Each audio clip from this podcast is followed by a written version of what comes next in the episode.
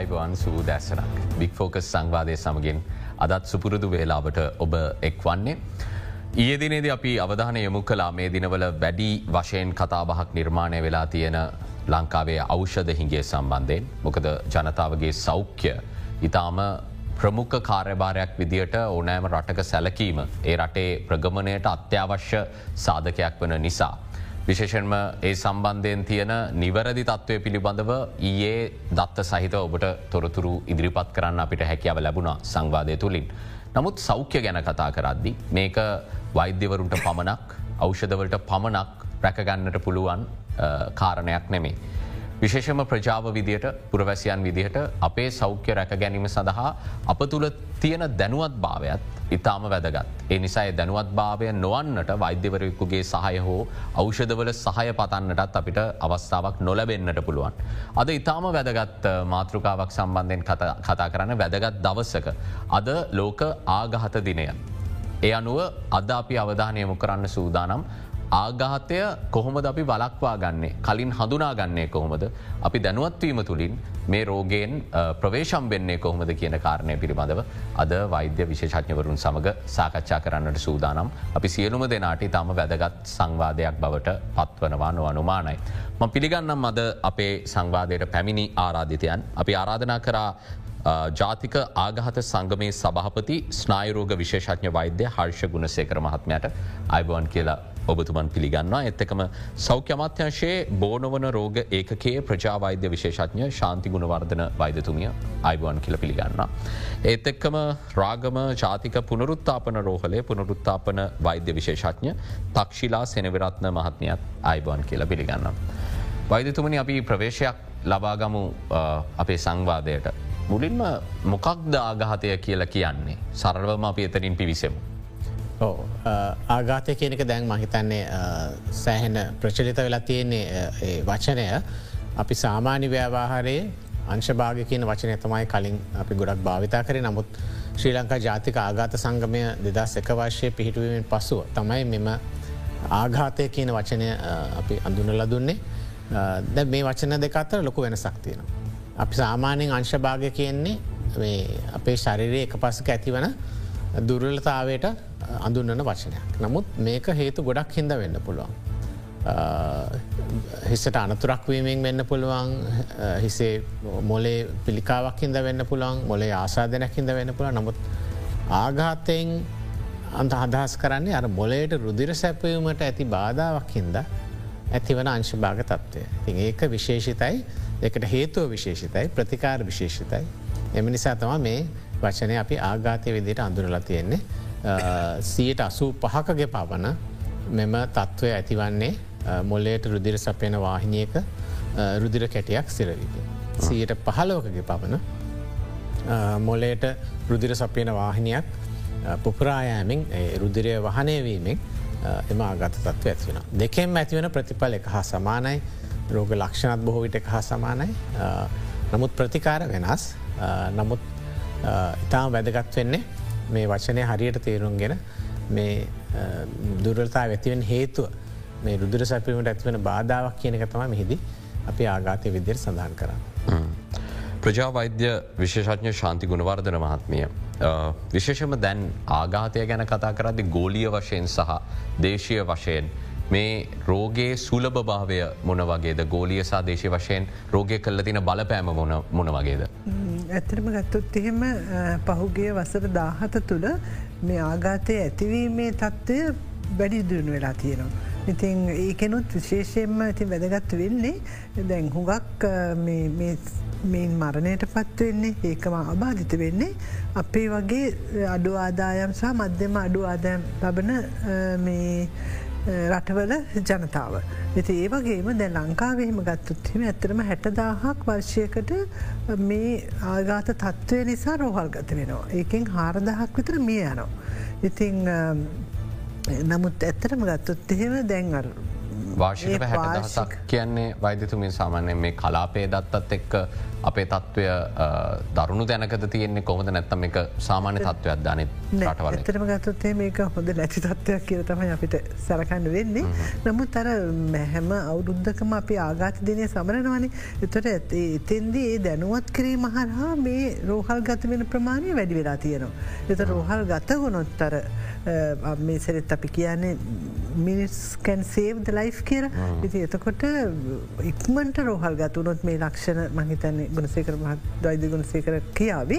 එත ඒ ලක්ෂණ හරි දැනගත්තොත් ඉක්මට රෝහල් ගත වෙච්ච තරමට මේකෙන් ආබාධිතවී මරණයට පත්වීම හුගක් අඩු කරගන්න පුළුවන්. ඇති ඒ දැනුවත්වීම දැනට මහිතන හොඳ තත්වයක තියෙන මේ වසර ගන්නාවත් තිස්සේ අපි කරන කතා බා නිසා ඇති ඒක නිසා මහිතන්නේ මේ පිළිබඳව දිගින් දිගටම දැනුවත්වෙන් ඕනේ. අනිතික අධිකරදිර පීඩනය තමයි මේකට හුඟක් වෙලාවට හේතුවෙන්නේ.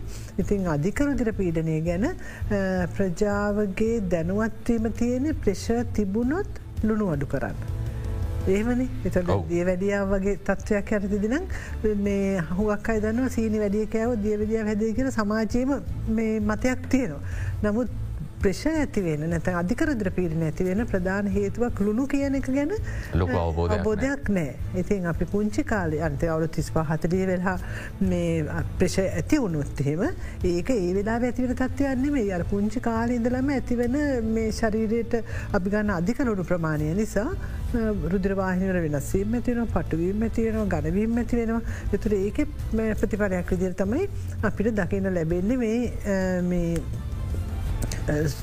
ආඝාතය නැත්තං ආංශභාගය නැත ස්ට්‍රෝක් කියන තත්ත්වය. ඔබතුමිය සඳහන් කර බොහෝ විට අවමාදායම් සහ මධ්‍යමාදායම් ලබන රටවල් වල තමයි සුලභ වශයෙන් මිය යන්න කියලා මේ රෝගි තත්වය නිසා ඒකට හේතුව මොකක් වෙන්න පුලන්. ඒක ගොඩක් කලාට මහිත රෝහල් ගතවෙන්න තියෙන මේ සාමාන්‍යෙන් කියන්නේ රුදිර කැටියක් දිය කරන්න පුළුවන් කියන කියන්නේ පැය හතරකට හතරමාරකට ඉස්සෙල්ල රෝහල් ගත වුණොත්. ඉතින් ඒ විවිධ හේතු නිසා සමහට නොදැනුවත්ව කම නිසා යම්යම් හේතු නිසා රෝහල් ගත්ත යන්තේ වෙන වෙන වයිකල්පිකතම භාවිතා කිරීම නිසා එතර මේ වගේ අවස්ථාවලදී රෝහල් ගතවීම ප්‍රමාදුවනොත් ආබධිතවීම මරණයට පත්වීම වැඩි වෙනවා. හොඳයි අපි තවදුරටත් කතා කරන්න ඕනේ කොහොමද කලින් හඳුනාගන්නේ කියන යනාදී වශයෙන් අපි අද මේ ගැන කතා කරන්න බලාපොරොත්තුවෙන් ඉන්න. ඊට පෙර මං කැමරත් කැමති පුනරුත්තාපන වෛද්‍ය විශේෂඥ තක්ෂිලා සෙනවිරත්න මහත්මයට යොමු වෙන්න. ආගාත රෝගය ගැන පමණක් නෙමෙයි. මට පැහැදිලි කරන්න රෝගියෙක් පුනරුත්තාපනය කරනවා කියන්නේ මොකක්ද වෛද්‍යතුම. පුනරුත්තාපනය කියන්නේ අපි යම් කිසි පුද්ගලයෙක් යම් රෝගී තත්ත්වයක් ඇති වෙලා මොක් හරි ආබාධ තත්ත්වයක් ඇති වුණාට පස්සේ ඔහෝ ඇයට කලින් හිටපු තත්ත්වයෙන් ක්‍රියාකාරකම් කරන්න අපහසුයි. ඊළඟට කලින් හිටපු සමාජය සමාජීය කටයුතු ඒව කරන්නත් අපාසයි. ඉති එයාගේ සම්පූර්ණ සමාජීය කායික මානසික ඔක්කොම තත්ත්වය වෙනස් වෙන. තොට අපි පුනරුත්තාපනයෙන් බලාපොරොත්තු වෙන්නේ එයා පුළුවන් තරම් උපරිම ලෙස පෙර තිබ්බ තත්ත්වයට නැවත පත් කර ගැනීමට. ඒ ක්‍රියාවලිය තමයි පුනරුත්තාපනය කියන්නේ ඒ සඳහා අපිට සම්පූර්ණ කණ්ඩායමක් ඉන්නවා වෛද්‍යවරුන් ඇතුළු හෙදියන් බෞද්ධ චිකිත්සකවරු වෘත්තිය චිකිත්සකයන් තව සමාජ සේවකය තව මානසික සෞඛ්‍ය පෝෂණ වේදීන් ඒ වගේ ලොකු කණ්ඩායමක් එක්ට තමයි අපි මේ ගමන යන්නේ. තොට අපි හැමෝමට වෙන වෙනම කාර්යභාරයන් තියෙනවා. හැබැයි අපි ඔක්කොමල පොද්දු අරමුණකට පොද්දු ඉලක්කයක් කරහ ඒ රෝගයා වෙනුවෙන් ක්‍රියා කරනවා. හොඳයි අපි තවතුරට පැහදිලි කරගමු සංවාධය අතරතුර. වෛදතුමනි දැන් මෙතුමියත් පැහදිලි කිරීමේදි කිව්වා රුදිර කැටියක් දිය කරන්න සාමාන්‍යෙන් පෑ හතරකටවත් කලින් අරන්ගෙන් ඕනි කියන එක තමයි දැනුම කියලා. නමුද පෑ හතරකට කලින් අරන්ගෙන් අපි දැනුවත්වෙන්න පෑ අපිට මේ වගේ තත්ත්වයක් තියෙනවා කියලා රෝග ලක්ෂණ කියවා ගැනීම ඉතාම වැදගත්. මොනාද වෛද්‍යතුමනි රෝග ලක්ෂණ. ඇත මේක හොඳ ප්‍රවේශයක්. මොකද ආගාතයේ රෝග ලක්ෂණ ඇතිවන්න ඉතාම හදිසින්. එක ටික ටික ඇවිල්ලා මේ වැඩි වෙන රෝග ලක්ෂණ නොමේ. ඉතාම මොකද උන්ද්‍ර කැටිය රුදුරවාහනය අවහිරකර වහම රෝග ලක්ෂණ න මොකද ස්නායශල්ල ශීග්‍රයෙන් විනාශයට පත්ව. ඒක නිසා තම අපි කියන්නේ මිනිත්තුවක පමාව දිවියක නිමාව කර නොගනිමු ගිය. සොය මිනිත්තුවේ අදහස් තමයි මිනිත්තුවකට ස්නායුසයිල මිලියන එකයි දසම නමයක් විනාශව. ඉති ඒ ශීග්‍රයෙන් විනාශවෙන්න තමයි අපි කියන්නේ කාලෙ ඉතා පටිනාව ඔතන අර මේ පාර ලෝකාකාද සංවිධානින් දීල තියෙන තේමාවත් සේව් ප්‍රශස් ටයිම් කියන එක වටිනා කාලි රැක් ගන්න එකින් කියන අප්‍රමාද ප්‍රතිකාර ලබාගන්න ඒ වගේම ලර්න්ද සයින්ස් of ස්ට්‍රෝක් රෝග ලක්ෂණ හඳුනාගන්න. එතකට මෙහිදී අපි දන්නා මොලේ කාර්යභාරයන් විශාල සංඛ්‍යාවක් කෙරෙන. අපේ කතාව චලනය පෙනීම ශ්‍රවණය ගිලීම සමතුලිතතාය වගේ විශාල කාර්භායන් සංඛ්‍යක් තුර හැම රෝග ලක්ෂයක්ම මතකතය ගැන අමාරුයි සාමාන්‍ය කෙනෙකුට. එතකොට ආගාත සංවිධාන මගින් ඉතාම සුලබ රෝග ලක්ෂණ තුනක් මේ අතුරින් තෝරගෙන ආගාතය සුලබ රෝග ලක්ෂණ තුනක් සංකේතයක් විදියට ඉදිරිපත් කළ තින මේ ෆාස්ට් කියන අකුරු හතරෙන් ඉංග්‍රිසි භාෂාව. එතකොට එක අපි බලුවොත් අකුරු මුල අකුරුත් තුනෙන් තමයි මේ සුලබ රෝග ලක්ෂණ තුන අපි අඳුන්වන්නේ. F අකුරෙන් ෆේස් කියන එක එකැන රෝගයාගේ මුහුණ දෙස තමයි බලන්න තියෙන්නේ. රෝගයාගේ මුක එක පැසකට ඇදවී තියෙනවනම් අර මුහුණේ සමතුත් භාවය නැත්තං ඒ ආගාතය ලක්ෂණයක් වෙන්න පුළුව. ඊළඟට ඒ අකුරෙන් ආම්ස් රෝගයාට අත්තෝසවන්න කියන්න. නැතන් තමන්ට පුළන් රෝගයක අදක උඩට ඔස්වල බලන එක පැත්තක් මෙම අතෑරියම පැත්ත තියාගන්න බැරිද කියලා. කඩා හෙල්නවා. ඒක අප්‍රාණික භාවයක් තියෙනවන එක ආගත ලක්ෂණයක් වෙන. තුන්ගනි අකුර තම S ස්පීච් කතනය රෝගයාට කතා කරන්න වචන උච්චාරණ කරගන්න බැරි නම් කතාව පැටලෙනවන ඒ ආගාතය ලක්ෂණයක් වෙන්න පුළුව. මේ රෝග ලක්ෂණ තුනම තියෙන්න්න ඕන්න එකක් හරි තියෙනවන එම පුද්ගලයට ආගාතයක් වැලඳී තිබෙන ප්‍රණතාව ඉතාම අධිකයි. ඒ අනුව හතරවෙන අකුර ටී දාලා තියෙන ටයිම් කියන එක මතක් කරන්න කාලය. එතකට වහාම රෝගයා අපි රෝහල් ගත කළ යුතුයි. සීටිස්කෑන යන්ත්‍රයක් තියෙන රෝහලකට තමයි අපි අවවාද කරන්න රෝග අරගන මොකදර මංකිවප ආගත වර්ග දෙකින් කොයි ආගත වර්ගයද කියන එක අඳුනා ගන්න අපිට සිටිස්කෑන් පරීක්ෂණයක් අවශ්‍යයි. සමන අපි ඒක ජනතාවට තේරුම් ගන්න කියමු ලංකාවේ මොන රෝහල්වලද සිටිස්කෑන් යන්ත්‍ර තියෙන්නේ මුණනාදගෙද නැත්තේ.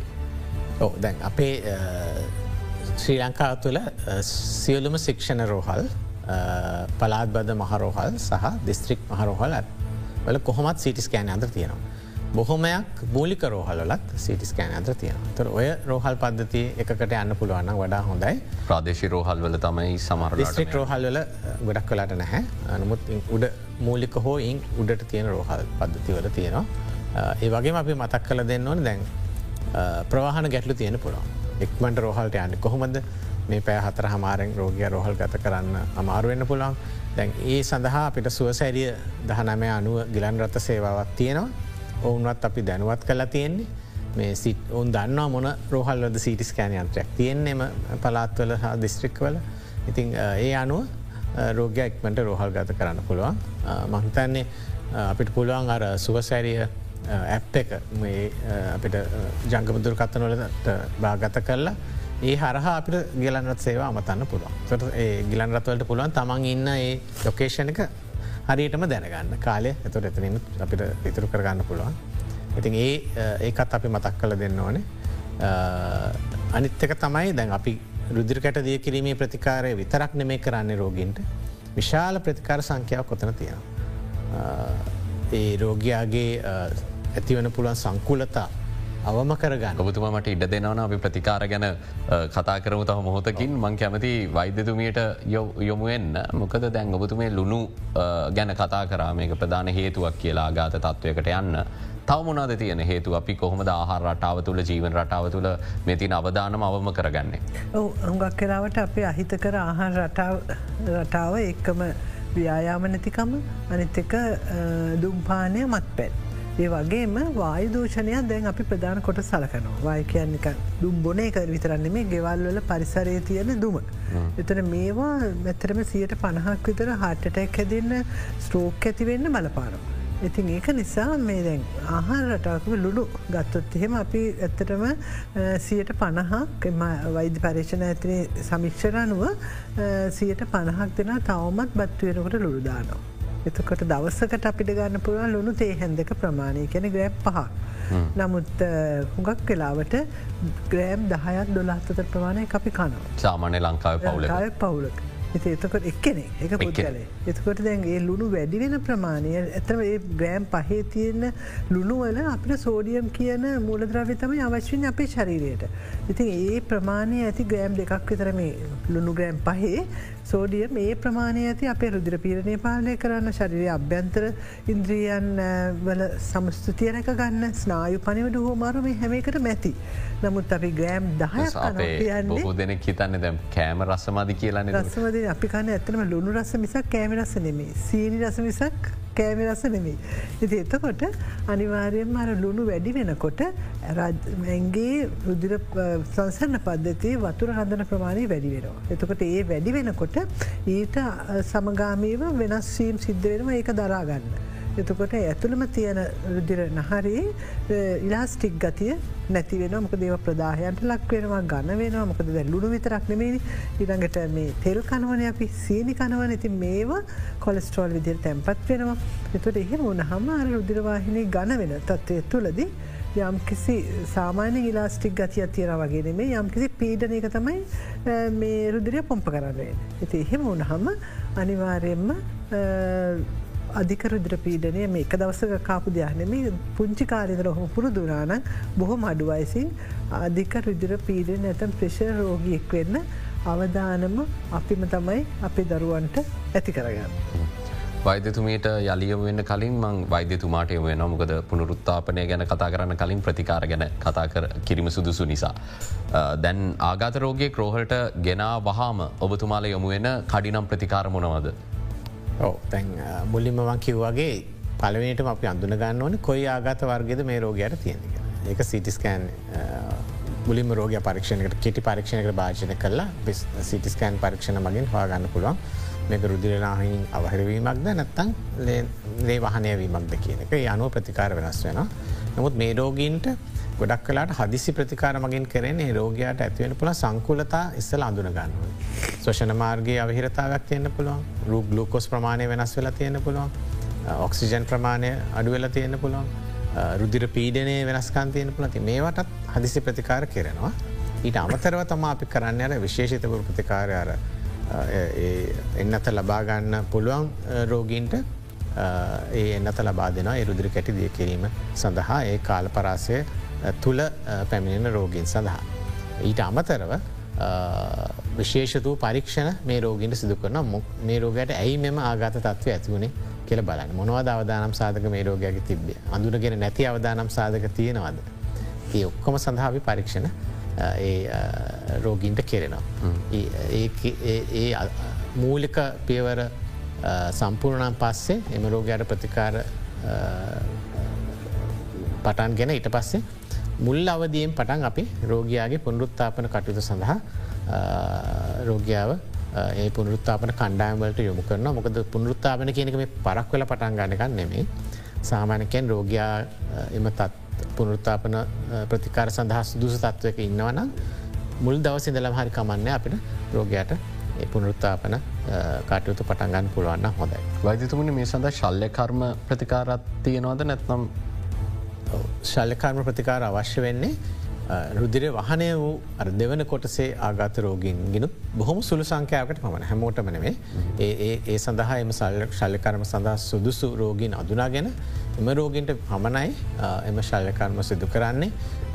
නමුත් සෑම රුදිර වහන වූ රෝගික්ටුව ශල්්‍යකර්මයක් කිරීම අවශ්‍ය වෙන්න. එතාම සුළු කොටසකට පමණයි මෙම ශල්්‍යකාර්ම අවශ්‍ය වෙන්නේ. එය විශෂක්න වෛදුරුවන් මගින් තීරණය කරනවා. කොයි රෝගයටද මේක අවශ්‍ය වෙන්න කියන එක අනුව. තක්ෂිලා සෙනවිරත්න වෛදතුමිය දැන් පියවරෙන් පියවර අපි පැහැදිලි කර ගත්තෝ තාගාත රෝගියෙක් මොන වගේ වැඩ සටහනකද මේ පුනරුත්තාපන කාර්යභාරය තුළ යන්න කියන කාරණය මහිතනය වටිනවා. ඕ දැන් බයද ගුණසේකර විශේෂක්ෂ වෛදතුමා කිව්ව විදියට ආගාත රෝගියෙක්ට පුනරුත්තාපනය පටන්ගන්න ඕන මුලයින්දම්. මුලින්දන් කියන්නේ ඒ රෝගයාගේ තත්ත්වය බල රෝගයාගෙන් රෝගයාට වෙනස් වෙනවා. එතකොට සාමාන්‍යයෙන් පුනරුත්තාපනය කර හැකි රෝගීන් ගැන ඒගුලන් ගොඩාක්ම භයානක තත්ව එන රෝගඉන්න මේ පුනරුත්තාපනය විය හැකි රෝගෙන් ඔවුන්ට මානසික තත්ත්වය ගැන අප කියන දේවල් තේරෙන් ඕන. ඒ වගේ පොඩි පොඩි දේවල්ටිකත් තියෙනවා. ඒව සම්පූර්ණ කරපු රෝගගෙන් අපේ මුල සිටම පටන් ගන්න එතවට මං කලිනුත් කිව්ව එක කණ්ඩායමක්. එතවට මේ කණ්ඩායමට මම කිව්ව ඒ සෑහෙන පිරිසක් සහභාගි වෙනවා. එතුට අපේ අරමුණ තියෙන්නේ සම්පූර්ණ රෝගයක් ලෙඩේ නෙමේ සාමාන්‍යෙන් අපි ගොඩක් වෙලාවට රෝගේ තත්ත්වය සුව කරන්නන බලන්නේ අපි මෙතනැති පුනට උත්තාපනයේදී සමස්ත රෝගයා දිහාමයි බලන්නේ. එතකොට අපි මුලින්ම කරන්නේ රෝගයාව පරීක්ෂා කරනවා. එකලා අපි අඳුන ගන්නවා මේ රෝගයාට මොනමුණ ප්‍රශ්නද තියෙන්නේ කියලා. අපිතුම දැන් ආගාතයක් කියලද එක පැත්තක් පන ඇති වෙලා කතා කරන්න බෑ. ඒ වගේ ප්‍රශ්න තියනවන අපි අඳුන ගන්නා මෙයාට. දැන් මෙයාගේ මේ අත පණනෑ කකුල්ල පණනෑ මෙයාට ඇවිදින්න බෑ. මෙයාගේ කතාව ප්‍රශ්න තියෙනවා. ඒ වගේ එක එක අයිඩෙන්ටිෆයි කරගෙන ඊට පස්සේ අපි බලනවා අපේ කණ්ඩායමක් තියෙනවානේ. ඒ කණ්ඩායමත් එක්ක සාකච්ඡා කරන්නේ. කතා කරලා ලෙඩයි ලෙඩාගේ පාර්ශවයේ ලෙඩා බලාගන්න උදවයෙන්වනේ ඒගොලනුත් සම්බන්ධ කරගන්න. ඒ හැමෝම එක්ක සාකච්ඡා කරලා අපි ඒ ඒ රෝගයාට ඉලක්ක හදනවා. එතෝට ඉලක්කයක් කියන්නේ ඒක මේ දුර්වලතාවයට විශේෂිත විශේෂිත ඉලක්කයක්. එතෝට ඒක යථාර්ථවාදී වෙන්න ඕනේ. ඒක කරන්න පුළුවන් දෙයක් වෙන්න ඕනේ. ඒළඟට අපි ඒකට එක්තර කාලසීමාවක් දෙනවා. එතුට අපි තීරණය කරනවා මෙයාගේ මුල් තත්ත්වය බලලා. එකන අපිට තියෙනවා එක එක මේ ඒවට කියන ස්කෝරින් සිිස්ටම් කියල ඒවයන් බලන්න පුළුවන්. සාමාන්‍යයෙන් මේ රෝගයක් කොච්චර දුරක් අපිට මේ පූරත්තාපෙන කරන්න පුළුවන්ද කියලා. සමන මේ ඔබතුමීට ඉලක්ක කියලා හඳුන්න්නේ යම්කිසි චලන සඳහා උත්සාහ කිරීම අපිගේ මොක දැන් ඒ රෝගයාට අත හොළවන්න බැයිනම් අපි හිතනවා ද මෙයාට ලියන්න අපිට පෑනක් කල්ලලා හොඳට ලියන්න පුළුවන් වෙන්න ඕනේ ඒ කාලසීමාව මොකක්ද අපි තීරණය කරන්න කියලා. එතොට අපි සාමාන්‍යයෙන් දිගුකාලීන ඉලක්ක කෙටිකාලීන ඉලක්ක කියලා බෙදනවා. එතොට දිගුකාලීන ඉලක්කෙ තමයි අපේ උපරිම තැනට අපි යන්න බලාපොරොත්තුවෙන් එතෝට එතැන්ට යන්න අපි කෙටිකාලීන ඉලක්ක කීපයක් පසු කරන්න ඕනේ. අපි දැන් ඔක්කොම කතා වෙලා මෙයා මෙච්චර කාලයක් අපි මේ මේ දේවල් කරලා මෙයට මෙන්න මෙතෙන්ට එන්න අපි ඉඩ සලසනවා කියලා. කෙමයට ඇගිලි ටික හොලෝ ගන්න බැහැ. එතෝට අපි මුලින්ම බලන්න ඕනේ ඇගිලි හොලෝ ගන්න. ඉපස පෑන අල්ල ගන්න පුළුවන් වෙන්න ඕන. අර ඒ වගේ ටික ටික ටික ටික ඒ ඉලක්ක දීලා ඒ ඉලක්ක පොඩි පොඩි කෙටිකාලිනි ලක්කවලට තමයි අපි යන්නේ. තුර ඒ ඉලක්කෙ සපුරාගන්න බැරවුණොත් අපිට එතනින් හට එතන ඒ ඉල මේ ඒ පැත්තෙන් අපිට ටිකක් යන්න අපහසුයි එතකොට අපි වෙන මොනාහරි ඒකට අනුවර්තනයක් කරන්න ඕන අපි කෙම්කෝ එතකොට දැමයාට අපි කල් දෙනවා දීලා මෙයාට පෑන අල්ලලා ලියන්න අපහසුයි. එතොට ඒත් මෙයාට දැන් මොනහරි විදිහත් තියෙන්න්න පැ එතොට අපිට ඒකට මෙයාව පාවිච්චි කරන්න පුළුවන් කම්පියුට එක. කම්පියුට එක එච්චර ප්‍රහසු නෑන ඒ වගේ වෙන වෙන දේවලුත් අපි යොදාගන්න. එහෙම තමයි අපි මේක කරන්නේ. මේ රෝගීන්ගේ මානසිකත්වය ගැන අපි මේ ප්‍රශ්නයට යොමුය වූ මංහිතන ඊට කලින් අපිට විරාමයකට යොමන්නට සිදුවෙන විරාමෙන් අනතුරුව පී තවදේ කතා කරමු. විශේෂඥ වෛද්‍යතුමනි දැන් ආගාත රෝගියෙක් බවට පවුලේ කට්ටිය ඔබතුමාව දැන් අපිට පැහැදිලි කරපු රෝග ලක්ෂණ අනුව සැකයක් අපිට ඇති වුණට පස්සේ මේ ආගාතය විය හැකි කියලා. ඉතාම් වැදගත් කොහොමද රෝහලට ගෙනියන්නේ කියන කාරණය තමන්ට තියෙන ත්‍රරෝධ රතය වේවා මෝට රතේ. එහිදී කොහොමද අපි නිවරදිආකාරයට රෝගියාව අසුන් පනවන්නේ ඔහුව හසුරුවන්නේ ඒවගේ වෙලාට කොමද අපි හැසිරෙන් ඕන පවුල අනිත් අවිදියට. ඒ ඉතාම් වැදගත්. මොකද ආගත රෝගීන්ගේ රෝග ලක්ෂණ සෑහෙන විශාල සංඛ්‍යා තියෙන පුළ මංකිවවාගේ නමුත් මේ රෝගයෙන්ට ගොඩක් වෙලාවට අප්‍රාණික බව තමයි එන්නේ සීකල්පනාව ලොකු වෙනසක් එන්න නමුත් සමහර රෝගෙන්ට සමන්ගේ කල්පනාව සීකල්පනාව සහ අඩු වෙලා තියෙන පුළන්ට එම රෝගින් තම විශේෂෙන් අවධාන කළ යුත්තේ එම රෝගින් ප්‍රවාහණය කරද්දී. තුර එම රෝගීන් ගොඩක් වෙලාට අපි හාන්සි කරලා. හාන්ස කරලා තිබියයුතු ගොඩක් වෙලාට වම්මලයට පව හරවන් වෙනවා. අර ඔවුන්ගේ ඇතිවනේ ශෂණ මාර්ගය ඇතිවන අවහිරතා අඩුම කරගන්න. ඒක අවශ්‍ය වෙන ඒ වගේම විශේෂිත වුදේ තමයි එම හදිසි අවස්ථාවේදී ඔබ කිසි දෙයක් රෝගයාගේ මොකය තුළින් නොදිය යුතු. මොකද රෝගයට ගිලීමේ අපවස්ථා තියෙන පුළුව. එහිදී වෙන්න අපි හදිසි ඇස්පින් පැත්තක් හෝය වගේ දෙන්න ගියොත් ඒක හිරවීමෙන් රෝගයට වෙන සංකුලතයන්න පුළන් නියමෝනය තත්වන්න පුළ ඉතින් ඒ හින්ද අපි කියන වහාම රෝහල් ගත කරන්න මුකේ මාගේ මුකුත් දෙන්න යන්න එපා. රෝගයා සංසුන් කරවන්න හොඳට කල්පන ශක්ති තියෙන් රෝගයන්න බයවෙන්න එපා කියලා ඉක්මට රෝහල් ගත කරනක තම කළ යුත්තේ. තින් අර අර වගේ සිහිකල්පන අඩුරෝගෙන් සඳහා ගොඩක් කලාට ගිලන් රත්ත සේවාවකට භාවිතා කරන්න වෙනවා. විශේෂය තමයි වඩාත්ම සුදුසු. සුදුසු. කද එම රෝගය ඔක්ෂිජන් තත්වය අඩුවීමක් තියන්න පුළුව සහ ගිලන් රතේ කාර මණ්ඩලට මේ ගැන දැනුමක් තියෙන තියෙන නිසා එම එම පැරාමෙඩික් සේවකින් මේ ගැන ඒ සඳහා වඩා සුදුසුයි භාවිතා කරන්න. ඒ වගේම තමයි මේ දැන් රෝගීන් හම දෙස්සම හිතන්ගෙන මේ විශේෂතු ප්‍රතිකාර ගන්න බැරිවුණුත් ප්‍රතිකාර නැහැ කියල හෙම එකක් නෑ විශාල ප්‍රතිකාර සංඛ්‍යාවක් කරනවා අයිරෝගීන්ගේ සංකුලතා මගවාහැරගෙනට. අපි දැ සමීක්ෂණවලින් අනුව බැලුවත් මේක දීපව්ත සමික්ෂණයක් කියලන නමුත් සමහර රෝහල් කීපයක සමික්ෂණ අනුව නියදයකින් කරප එක. සීයට දෙකක් පමණ තමයි දෙකට අඩුක් ප්‍රමාණත් තමයි අර විශේෂතයෙන් අත භාවිතා කරන ඒ හැබැයි මේක මේ ලංකායි තත්වයනෙ ලං පිට් බටහි රෝක ගත්තත් සීර දහයක් පමණ ඉති අපි මේ ගොඩක් මේ අඩුවක් නෑ. නමුත් අපට මේක තාව දියුණු කරගන්න පුළන්න හොඳයි. දැ බට රටත් බලන් මේක සීට විසිපහ කරන්න පුළුවන්ද කියලා. නමුත් අපිට සීට පහදක්වා ගන්න පුළන්න ඒත් හොඳයි. අනක මේක දීප ව්‍යාප්තව තියෙනවා. ස්නාව ඒක පොවල පමණක් නෙමෙයි. කායිකරෝග විශෂක්ජ වෛද්‍යවරු නිසිනුත් ඒ වගේම හදිසි ප්‍රතිකාර සඳහා ඉන්න කායකරෝග විස්සක්ජ වෛදු අපින ඉමර්ජන්ස ෆිෂන්ස්ලා ඒ වෛදවරුනුත් මේක හදිසි ප්‍රතිකාරයක් වල මේ ප්‍රතිකාර ආරම්භ කලා තියෙන ඉතින් රෝගීන්ට තියෙන රෝග ලක්ෂණ දැනගත්තොත් ඉක්මට රෝහල් ගත්වයක තමයි.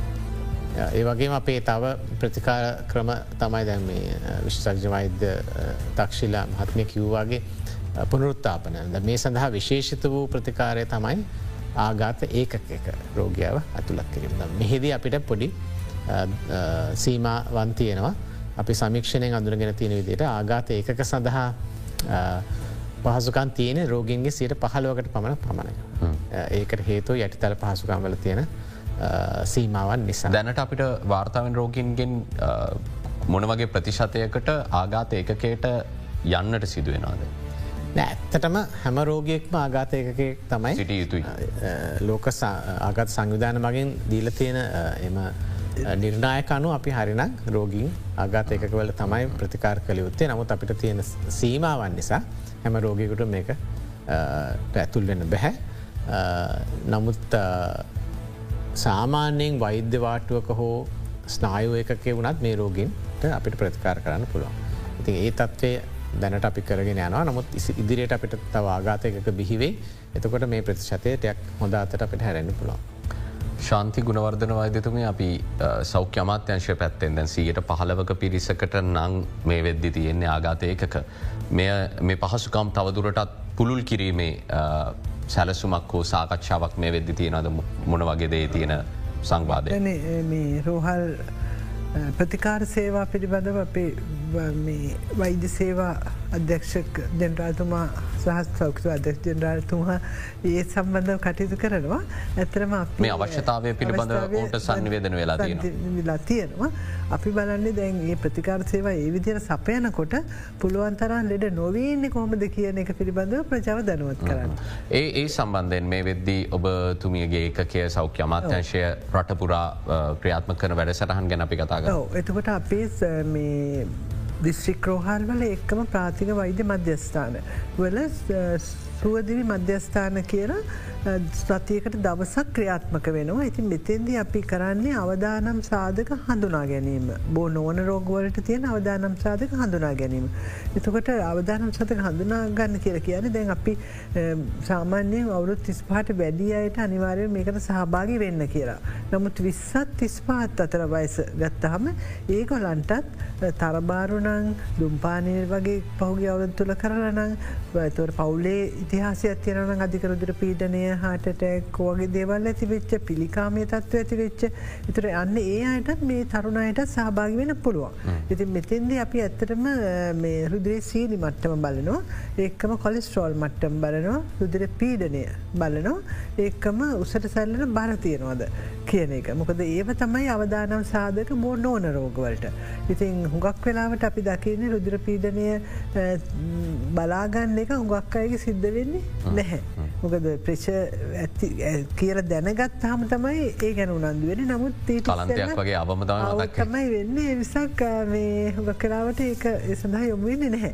ඉති ඒක නිසා පුළුවන්තරන්දුරට අපේ මහජන සෞඛ හෙද හෙද නිලධාරීන් ඉන්නවා.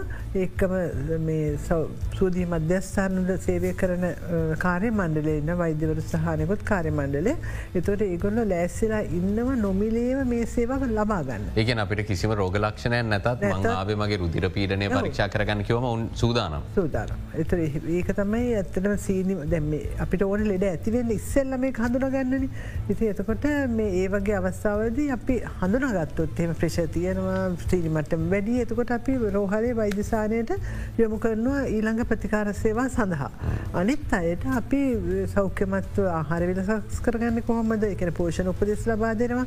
ඉට ව්‍යයාම පිළිබඳව යම් කිසි පුහුණු වැඩසටහන් තියෙනවා. ඉරට කවුන්සරි උපදේශන සේවා තියෙනවා. ඒකම පිළිකා කලින් හඳුනා ගන්න. දැන් මුකේ ඇතුළ එහෙම ගක් කලාට අර ස්ලේෂ්මට පටේ යම්ය වෙනස්වීම් ඇති වෙනවා. එතර ඒව සාමාන්‍ය කෙනෙක් බැලුවට පේන්නේ නැහැ. නමුත් එතන ඉන්න වෛද්‍යවරයට මේවා හඳුනගන්න පුළුවන්. එතර ඒවගේ අවස්ථාවලදී අපි හඳුනගත්තොත් ඇත්තටම ප්‍රතිකාර සඳහා යොමු කරන්න පුළුව මුල් කාලයේදීම. ඉති ඒ වගේ දේවල් ඒකම ඇස්සල පෙනීම එනට පියවරු පිළිකා මේ වගේ දේවලුත් ඒ සුවදී මධ්‍යස්ථානලින් කෙරෙනවා නමුත් අපි ඇත්තටම සුමානකර දවස් සුමානකට විස්සක් කරන්න කිව්වට හුඟක් කලාවට කාන්තා පක්ෂයන පුරුෂ පක්ෂයෙන්නෙම නෑ. දැම් බොහෝවිට වෛදතුමිය ආකල්පයක් තියෙන විශේෂම ඔබතුමිය කිව්වාගේ පුරුෂ පක්ෂයේ. දැන් මේක ගිහිල්ල පරීක්ෂා කරගෙන හදිස්සේවත් මොකක් හරි තිබිලා හම්බෙලා අපිට වාටුවකට යමුවෙන්න ප්‍රතිකාර කරන්න ගයොත් මේක නැතිකරදරයක් දාගත්ත වෙනවා කියලා. එහෙම හිතුවට පස්සේ පස්සට වෙන ප්‍රතිවිපාක ගැන අපි කතා හිතන්නේ නෑ. ඇත්තටම එහෙම දැන් රුදිරපීරණය පොඩි හැඩි වෙන සක්තියන අපි දැන් සාමාන්‍යින් කියන්නේ රසදී මිලිමීටර් එකසි හතලිහයි අනුවට වැඩි වුණොත් තමයි අපි අධිකරුදිර පීරණය කියලා ගන්නේ. ඉතින් මෙතෙන්ද අර එකසේ හතලිය කියන්නේ ඇත්තටම මේ හරදවස්තුව හැකිලීමේදී. ඇතිවෙන පීඩනය. එතට අනුව කියලා කියන්නේ අපේ හදවස්ව ඉහිල්වීමේදී.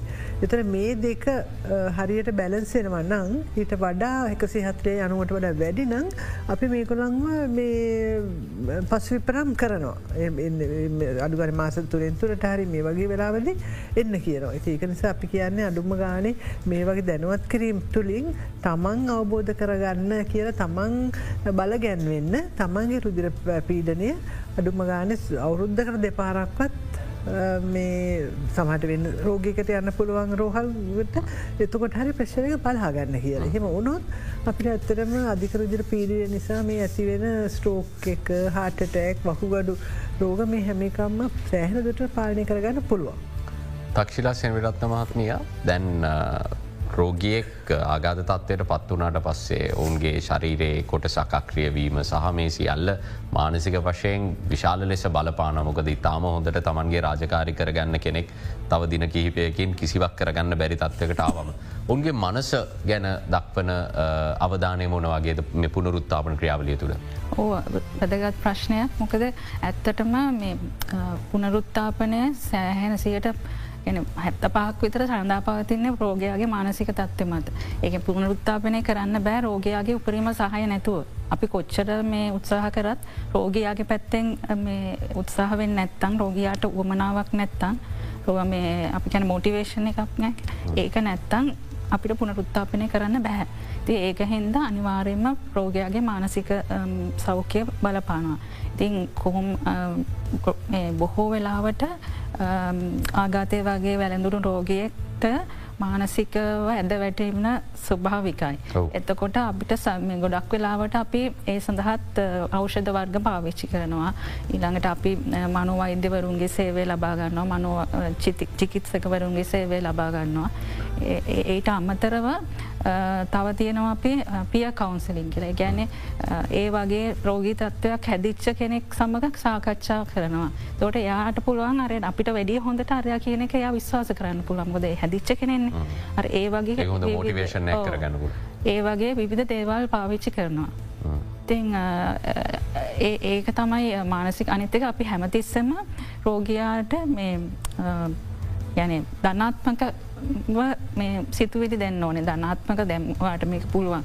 ගෞල පවුලට තියෙන වගේ කීම් මොන වගේද? මේ වගේ පුරුත්තාපන ක්‍රියාවල ඇත්තුන පවුලට තියෙන වගේ කීමත් ගොඩක් වැඩි. ඇත්තරම දැන් දිගු කාලීන රෝගියෙක් නම් පා ගොඩක් කලාවට පවුලේ සාමාජිකෙක් හරි එහෙම නැත්තන් යාව වෙනම බලාගන්න යම් කිසි සෞඛ්‍ය සේවකයෙක් හරි ඉන්නවනන් තමයි අපිට ගොඩක් පුනරුත්තාපනය කරන්න ලේසි. මොකද ඒකර දවස පුරා යම් කිසි පැයගානක් කියක විවිධ ක්‍රියාකාරී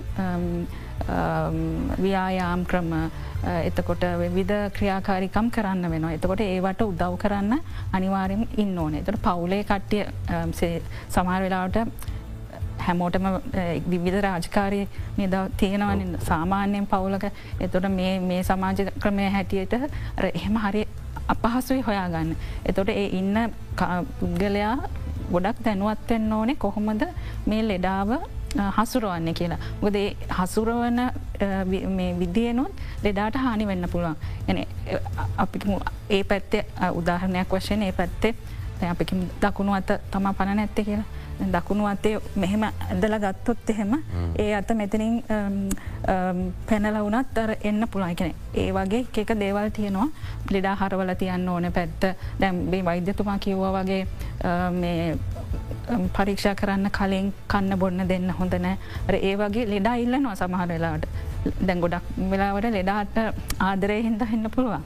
සමහර වෙලාට ආදරය හොඳමදේ ඒකයි. අනිත් එක දැන් අපි දැන් කියනවනේ ලෙඩාට ලෙඩා කරන්න අපි ව්‍යයාමයක් කරි ඒ අපි කෙන ටාගට ටාග ටාස්පෙස්ෆික් එක්සයිසස් එකන යම් කිසි දෙයක් කරන්න තමයි හැමතිසි අපි නිකං කරන්නම් වාලේ ව්‍යයාම් කරන්න හැ එයාගේ නිශ්ෂේත ඉලක්කයක් එයාගේ ගෙදර වැඩ මොනාද කළේ ඒවට උදව්වෙන විදිහේ ක්‍රියාකාරිකවන් තමයි ව්‍යයාමත් එක් අපි කරන්නේ. එතකොට දැන් අපි යාට කෝපයක් කල්ලන්න විදිහ ඒව කියල දෙනකොට සමහර වෙලාවට කම්මැලි කරන්න.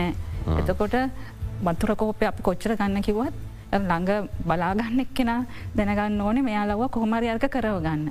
නැත්ත ආදරයට කියලා ඔය අරන්දෙන්ට කියලා අපි දෙනවානේ එහමුණත් වැඩේ හරියන්න ලන සුවනුවන්නටත් පුල මොකද අපි එක එක්තර කාලසේමාවත් තියෙනවා. ඒ කාලසේමාව ඇතුළෙත උපරිම තත්වයෙන් පුනරුත්තාපනය කරන්න ඕනේ. නැත්තන් එක පහෝනාට පස්සේ අමාරුයි. පැහැදිි.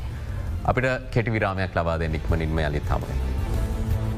අපි ලෝක ආගාත දිනයට සමගාමීව ආගාත රෝගය ගැන සාකච්ඡා කරමින් සිරින්න ඔබ දැනුවත් කරන්න මතන් ඉතාම වටිනා සංවාදයක් මොකද වාර්ෂිකව හැට දහසක පමණ රෝගීන් වාර්තා වෙනවා කියලා වෛදවරුන් දැන් සඳහන් කරා. ඒැන මේ තත්ත්වය අවම කරගන්න නම් අපි මොන වගේ ක්‍රියාපිළිවෙතකට චරය රටාවකට යන්න ඕනෙද කියන කාරණය ගැන අපි සාකච්ඡා කලා. විශේෂඥ වෛදතුමනි තවදුරටත් අපි ප්‍රතිකාර සඳහා යමක් එකතු කරද්දි ඔබතුමාට කියන්න යමක් ඇති. මම ඉටිස්සලාර හැටදාහේ සංඛ්‍යාව ගැන පොඩ්ඩක් කියන මේක අපිට තියෙන්නේ රජයේ රෝහල්වලට ඇතුළත්වූ රෝගින් සංඛ්‍යාව. පමණයි. වාර්ෂික සෞඛ්‍ය දත්තා අනුව ඇනුව හෙල් සටස්ටික්. ති මීට වඩා වැඩිවෙන පුළ මොක හැමරෝගයම රජයවට නොගිල්ල පෞද්ගලක ශායනයක් පෞද්ගලව හරක් හෝ අයුද්ධ ප්‍රතිකාර පව යන්න පුළුවන්. සහ මේක වැඩිවීම රිනාත්මක තත්වයකුත් නෙමේ මොකද මෙතුමිය කිව්වගේ බොහෝ දෙනෙගේ දැනුවත්වීම වෙන්නටත් පුළුවන්. ශේෂම එක ධනාත්ම විදි හිතන්න මොකද රෝගින් දැන් දන්න මේ රෝගය රොහට ගෙන යන්න ඕන කෙලෙතෙක් හොඳයි. අපි ගත්තොත් වැඩිදුර ප්‍රතිකාර මං විශේෂයෙන් මේ ප්‍රශ්න ඉතා වැදගත්. ආගාතය වැළඳුණු රෝගීන් ගෙන්ස් හතරෙන් එකට නැවත වරක් ආගාතය ඇත්වෙන පුළ ඉතාම වැදගත් එම රෝගීන් ඒ දවිතීක නිවාරණ අවෂධ හරි විදිහට භාවිතා කරන්න. ඒ දෙන වෛද්‍ය අවදාට අනුව තමන්ගේ තියෙන අවදානම් සාධකවලට අනුව එම රෝගයාට දෙන දිත්වීක නිවාරණ අවෂධ ඉතාම පරිස්සමින් භාවිතා කළ යුතුයි මේ දවසල අපහසුකන්තියෙන පුළුවන් අවෂධවල මිල ඒ වගේම තමන්ට ශායනකට යන්න පුළුවන් ප්‍රවාහන අපහසුකම ඒවත් තියෙන්න්න පුළ නොමුත් ඒ විශේෂතූ ප්‍රතිකාර. තමන්ට දෙන එලේ කැටිදය කිරීමේ බෙහෙත් උරුදුර පීරණය පාලන කිරීමට දෙන බෙහෙත්සා දී වැඩියසා කොලෙස්ට්‍රෝල් පාලන කිරීමට දෙන බෙහෙත් විශේෂයෙන් අපි ප්‍රවරෙස්ෙන් පාච්චි කරයුතු දැන් විටමින් පෙත්තක් ගන්න බැරිවුණත් අර බෙහෙත්තික අපි සාමාන්‍යෙන් විශේෂම භාවිතා කළ අකණ්ඩව කරගෙන යන්න අපිට නවතවරක් එන අවධානම අඩු කරගන්න. තාම වැදගත් පනිවිඩ.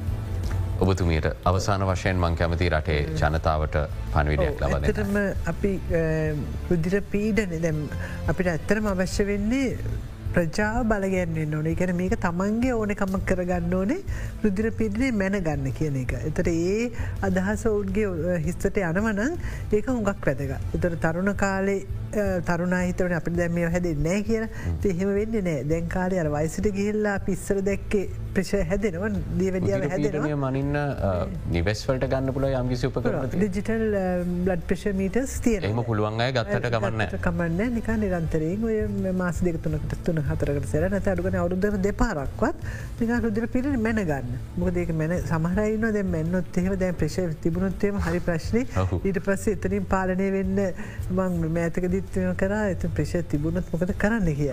ඉතින් දැ ඒගොල දන්නන ඒ ප්‍රශ ඒ වෙලාවේ කන්ට්‍රෝල් කරන විදිහට අපි ක්‍රියාත්මක වුණොත් ඒක ලොකු වාසයක් ඉස්රට එනවා කියලා. නමුත් අන්තිමට ඒක ගැන්න නොසලා හැරියොත් වෙන්නේ අර ස්ට්‍රෝක එකක් නැතන් හටට එකක් හැදිල රෝහල් ගතව කලින් පරීක්ෂා කරන වෙන්න තියෙන් ලොකු විනාසය නවත්ත ලක්ව ගන්න පුළුවන්. ඇති එක්කම අපි මේ ආහාරටාව ගැන විශේෂයෙන්ම ලුණු තෙල් සීනි අඩු ආහාරවලට යොමුුවෙන් නොන අපි අර සම්ප්‍රදායික ආහාරය කැන බත් එලවලු මාලු ගත්තම එකම ස්වභාවික රසකාරක.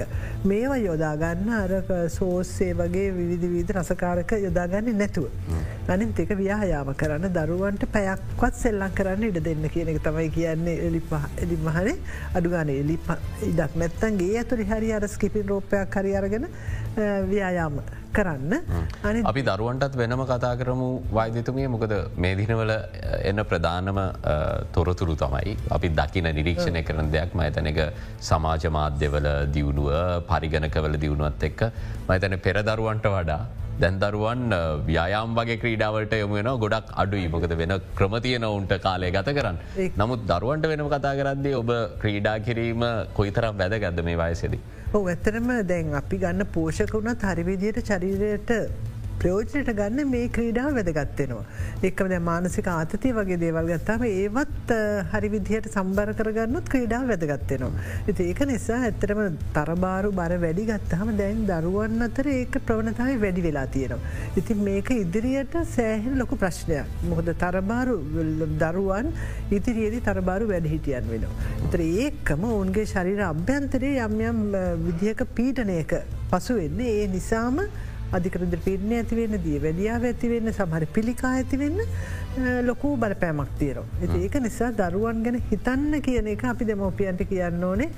ස්වභාවි කෙල්ලවලු පළතුරු පුළුවන් තරන් විදිහර දෙන්න. සමහට මිල මුදල් අධිකයි මිල ගණන් අධිකයි කියන්න පුළුවන්. නමුත් මිල මුදල් හිනයි මිල ගණන් අධික දෙක තුනක් එකතු කරලා එක පොට් එකක් හදාගත්තත් දෙක තුනක් හදපුවා ඉස්සර ඇත්තටම ඒකෙන් අර පෝෂ්‍ය ගුණය රැකෙන පරිදි දරුවන් පුරුතුකරොත් මහිතන්නේ ඔය තරුණ ළම විශේෂම රයිස් වගේ දේවල් පුළුවන්තරන්දට ඇත් කරොත් ඔවුන්ට ඉස්සරහට අධිකරදිර පීඩනය සහ මේ සංකූලත ඇතිවෙන දේවල් වලක්ව ගන්න පුළුවන්. අපි මේ වන් පොට් කන්සෙප්ටක් ගැන මයිතන ෆීඩ ශයිල්ඩ් ව්‍යාපෘතියත් එක සෞඛ්‍යමත්‍යංශත් එදා සම්බන්ධ වන පසුගේ දිනක දෙරන සංවත්සරය වෙනුවෙන් ඔබට විශේෂ දැනුවත් කිරීම වැට සරහනකුත් ඉදිරිපත් කලා මිල මුදල් අඩු වනත් කොහොමද තියෙන මුදලින් පෝෂදාහි ආහරවේ ලක්සාකසා ගන්න කියලා. මුදර දරුවන් ක්‍රීඩා කරන එක ගැන අපි විශේෂයම කතා කර දැම් නාගරික ප්‍රදේශවල හරි පෙරකාලය පුටුවක් තියල ක්‍රිකට් ගහන දරුවන් දැන් අඩුයි කියලා අපිට නිරීක්ෂණය වෙන් නිසා මේ අනාගතයේදී ලොකු සෞඛ්‍ය ප්‍රශ්නයක් වෙන්න පුලා රට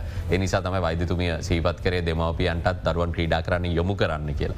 වෛදතුමිය අවසාන වශයෙන් ඔබතුමීට පණිවිඩයක් දෙන්න කියලම ආරාධනා කරනවා. හෝ මට කියන්න තියෙන්නේ පුනරුත්තාපනය කියන්නේ ටිකක් දිගු ක්‍රියාවලිය. ඒක දවසෙන් දෙකෙන් ඉවර කරන්න පුළුවන් එකක් නෙමේ. ඒක නිසා මේ රෝගයින් වයේ මෙන්ම රෝගයින්ගේ පාර්ශවය සියලු දෙනාම ඒකට සියල් එකට සැදී පැහැදි එන්න ඕනේ අපේ මේ කණ්ඩායමත් එක්ක. ඒක අර ඉවසන් ඕනේ පොඩ්ඩක්. ඉවසීම තියෙන්න්න ඕනේ මේ ක්‍රියාවලිය පොඩ්ඩෙන් පියවරෙන් පියවර යනකං. අනිත්තක කියන්න තියෙන්නේ එකලෙඩෙක්ට වෙනදේ මේ අනිත් ලෙඩාට සමාන කරන්න බැ සමාරිට එකම පිටිං බැලවහම එකම තත්ව වෙන්න පුළුවන් යා දෙන්නගේම අන්තයි කකුලයි දකුණු පැත්ත පණ නැති වෙන්න පුළුවන්. ඒ වනාට ඒ ලෙඩයි මේ ලෙඩයි වෙනස් වෙන්න පුළුවන්. ඒක අඳුන ගණ්ඩෝනේ. ඒහින්ද ඒකට මේ යථාර්ථවාදිව මුණ දෙන්න ඕනේ මොකද දෙන්නගේ සමාජ තත්ත්වය පරිසරය ඒ ඔක්කොම අනුව එයාට ඒක රිසල්ට එක වෙනස් වෙනවා. ඒක නිසා අපි හැමතිස්සම කියන්නේ පුනරුත්තාපනය දිගටම යදිලා ඉන්න දිගටම වෛද්‍ය ප්‍රතිකාරවලට යොමු වෙන්න අනිත් එක හැමතිස්සෙම සුභවාදී ආකල්පයකින් වැඩ කරන්න. බොහම ස්තුතියි මහිතන්නේ පුනරුත්තාපනය ඉතාම වැදගත් කියන කාරණය අපිට පැහැදිලි වෙනවා. එතුමියගේ පැහැදිලි කිරීමත් එක්ක. මොකද මේ තත්ත්වේදිත් මිත්‍යාවන්ට හසු වෙලා වෛද්‍ය ප්‍රතිකාරවලින් ඇත් වෙලා පුනරුත්තාපන ක්‍රියාවලියෙන් ඇත් වෙලා වෙන ක්‍රමවිදි හොයන්න ගියොත් ඒකත් විශාල ගැටලුවක් වෙන්න පුළුවන්. අපි සමාජයේ වැනි තත්වයනුත් නිරීක්ෂණය කරනවා. අද සංවාදය ම විශ්වාස කරනවා ඉතාම කාලෝචිත සහ වටිනා සංවාධයක් වන්නට ඇති කියල ඔබට දැනගන්නට අවශ්‍ය සියලුමදේ ඔබ දැන් දන්නවා. ඔබට තියෙන්නේ යනු ක්‍රියාත්මක වීම පමණයි. නිරන්තරෙන්ම රුදිර පීඩනය පරීක්ෂා කරගන්න. ඒ වගේ මේ රෝග ලක්ෂණ වෛද්‍යතුමන් ඉතාම සරලව පැහැදිලි කරාවට ඒ රෝග ලක්ෂණ තියෙනවා නම් පහම වෛද්‍යවරයගේ ප්‍රතිකාර සඳහයම එන්න ළඟම තියෙන රෝහලට යන්න කියන උපදේශ තමයි අද සම්පින්ඩනයක් විදියට ඔබට අපිට කියන්න හැකියාව තියෙන් බෙවින්ම සූතියන්තයන ජාතික ආගාත සංගමේ සභාපති ස්නායරෝග විශේෂඥ වෛද්‍ය හර්ෂ ගුණසේකර මහත්මයට. ඒත් එක්කම සෞඛ්‍යමත්‍යංශයේ බෝ නොවන රෝගයකේ ප්‍රජාවෛද්‍ය විශේෂඥ ශාන්ති ගුණවර්ධන මහත්මියට. ජාතික පුනරුත්තාපන රෝහලේ පුනරුත්තාපන වෛද්‍ය විශේෂඥ තක්ෂිලා සෙනවිරත්න මහත්මයටත් බෙවින්ම සූති ජනතාව දැනුවත් කිරීම වෙනුවෙන් අපිත් එක්ක සම්බන්ධ වනාට. අදට සංවාධයෙන් සමුගන්න එටත් හමුවෙන සුපුරුදු වේලාවටම සුපදිනයක්.